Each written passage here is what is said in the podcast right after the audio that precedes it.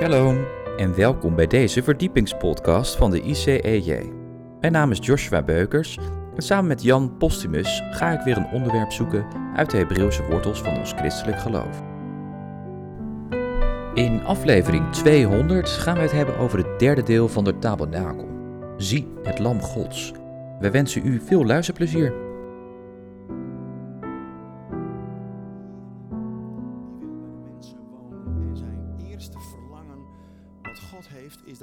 Een vaste woon- en verblijfplaats in ons leven wil hebben. Nou, hoe belangrijk is een vaste woon- en verblijfplaats fysiek in je leven? Ik ben echt blij met een huis waarin we wonen. En, en, en nou, dan zien we natuurlijk ook dagelijks voor het journaal de, de, de, de massa mensen die op de vlucht zijn en geen vaste woon- en verblijfplaats meer hebben. Sterker nog, in Nederland zal dat ook in de komende periode weer het geval zijn dat we waarschijnlijk weer gaan zien dat er velen vanuit het buitenland hier naartoe gevlucht in een asielzoekerscentrum in Ter Apel in de buitenlucht moeten leven.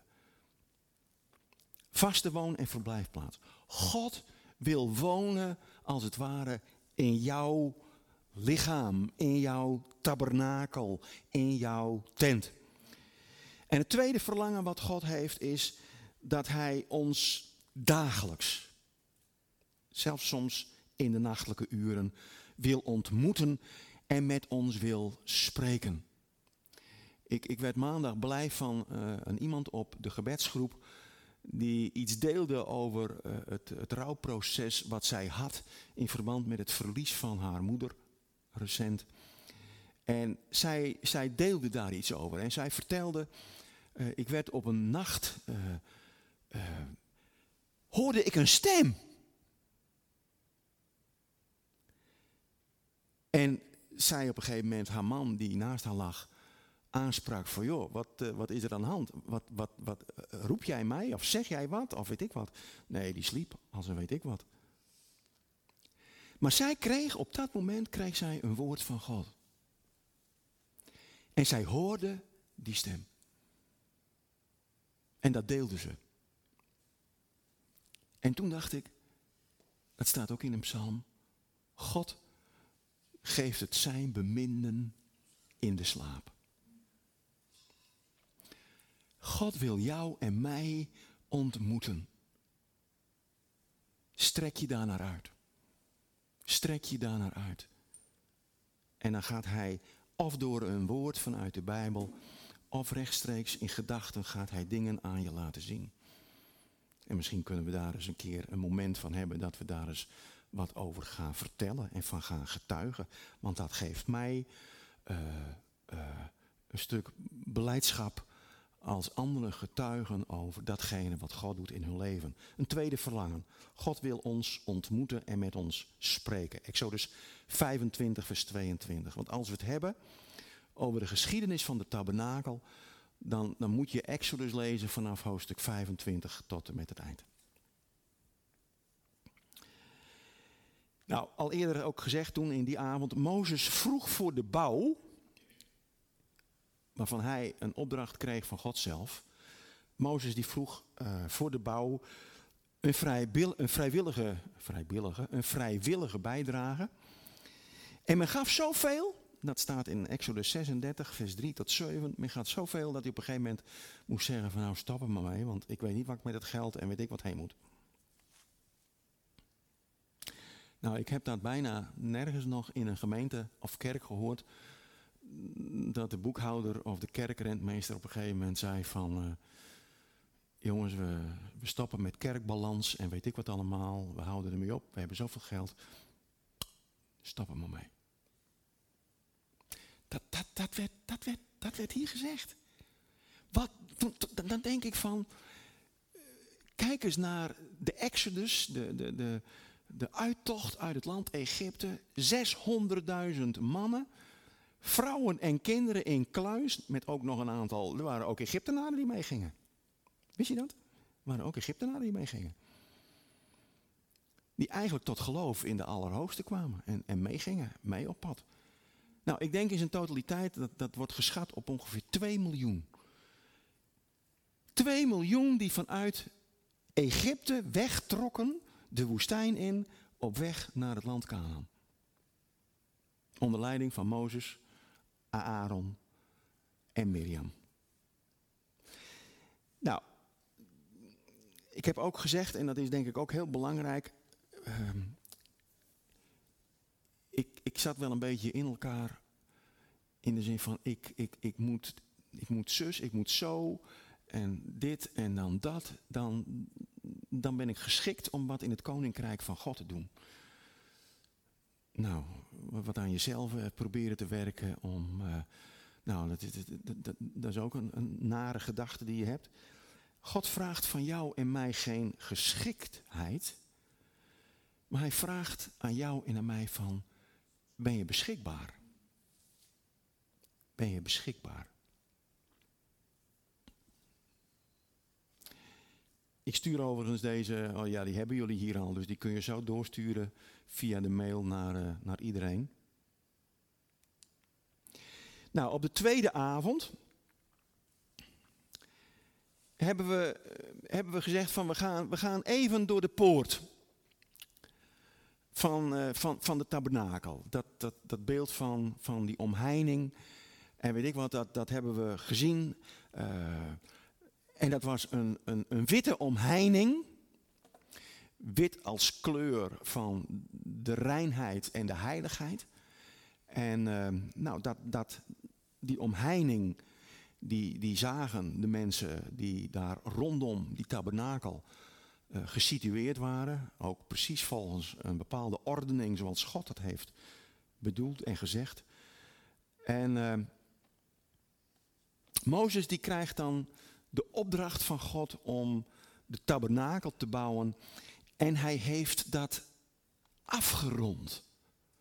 Hij heeft de opdracht die hij kreeg van God afgerond.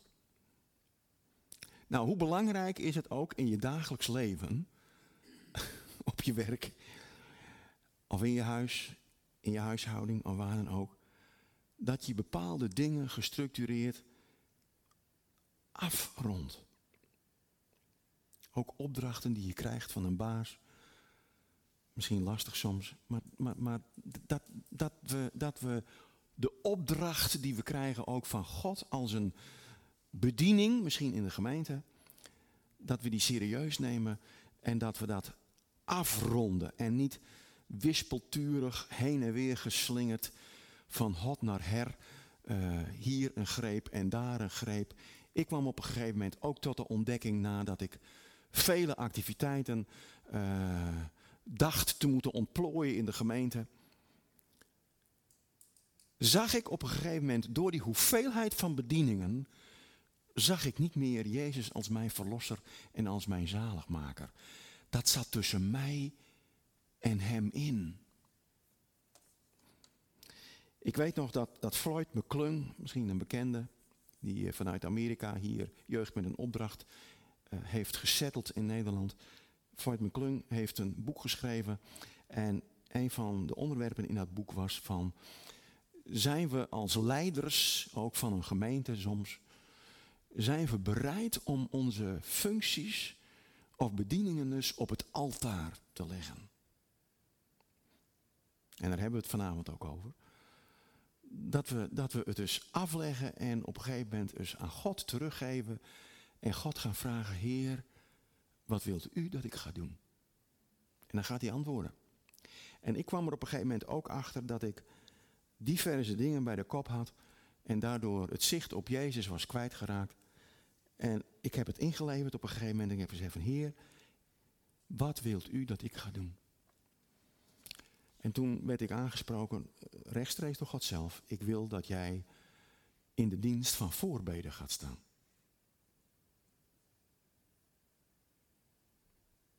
En die stap heb ik heel bewust gezet. Ik heb gezegd, dat wil ik. En dat ga ik doen. En daarin ben ik tot op de dag van vandaag heel rijk gezegend. Ook met medebroers en zussen die vind je dan ook, mensen die bereid zijn en in staat zijn om dag en nacht, als dat moet, te bidden met elkaar. Nou, ik heb daar prachtige ervaringen mee. Ik heb een, een shirt aan van Square. Dat is een tienerprogramma wat jaarlijks tijdens het Hemelvaartweekend in uh, Drachten uh, wordt gevierd. Daar komen bijna duizend jongeren komen daar. En ik heb daar samen destijds vanuit de Battle uh, gemeenteorganisatie mogen participeren, mogen deelnemen aan het 24-7 gebed. En het was dag en nacht bidden in ploegendienst. Fantastisch. En de mooiste uren, dat waren de nachtelijke uren. Nou, sommige mensen die, die, die in de zorg werken en wel eens nachtdiensten draaien, die, die kunnen zich daar waarschijnlijk iets bij voorstellen. Dat, dan is het stil, dan is het rustig. En ik heb ook heel vaak gebeden met mijn gebedsmaatje hier destijds in Franeker. Dat was Simon Friso. En uh, met hem heb ik geweldige ervaringen beleefd.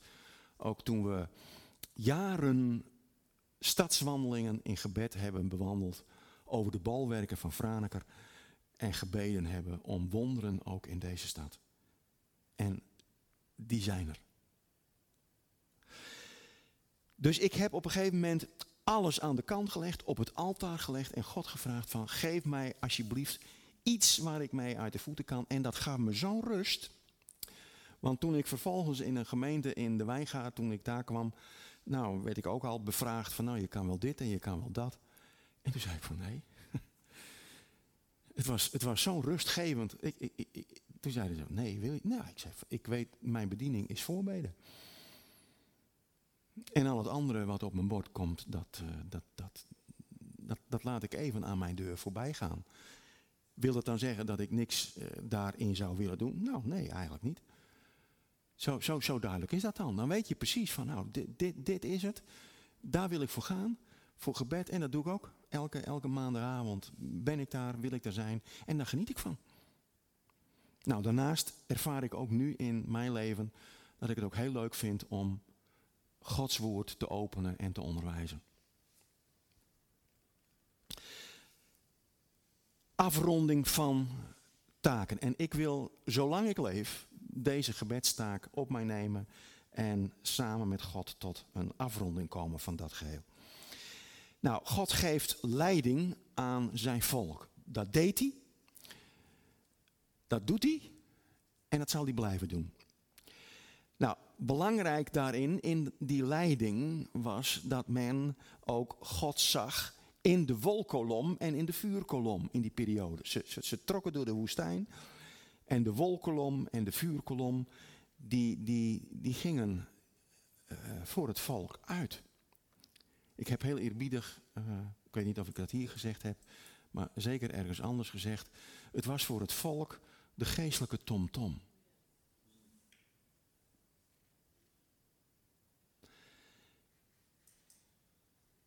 Nou, we hebben, vervolgens hebben we, het gaat ook over de omheining, die ook heel belangrijk is.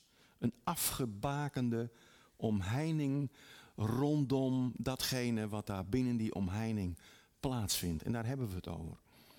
En die omheining uh, hebben we het gehad met de kleuren en ook de ingang, de poort. Nou, dat was dat we de poort zijn binnengegaan en dat was ook het thema van die bewuste avond. Ik zie een poort uh, wijd openstaan en daar mag je doorheen.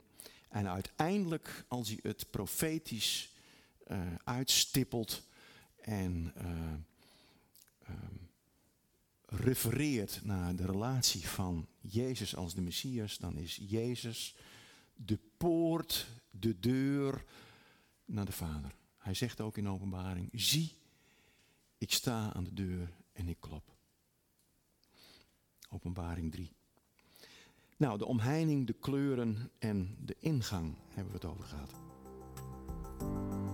Bedankt voor het luisteren naar deze verdiepingspodcast van de ICEJ. Waardeert u onze podcast? Steun ons dan. Dat kunt u doen door een donatie of door deze podcast te delen met uw vrienden of familie. Meer informatie hierover vindt u op icej.nl. Volgende week volgt er uiteraard weer een nieuwe aflevering van deze verdiepingspodcast. Luistert u weer met ons mee? Ik hoop van wel. Bedankt voor het luisteren en tot volgende week.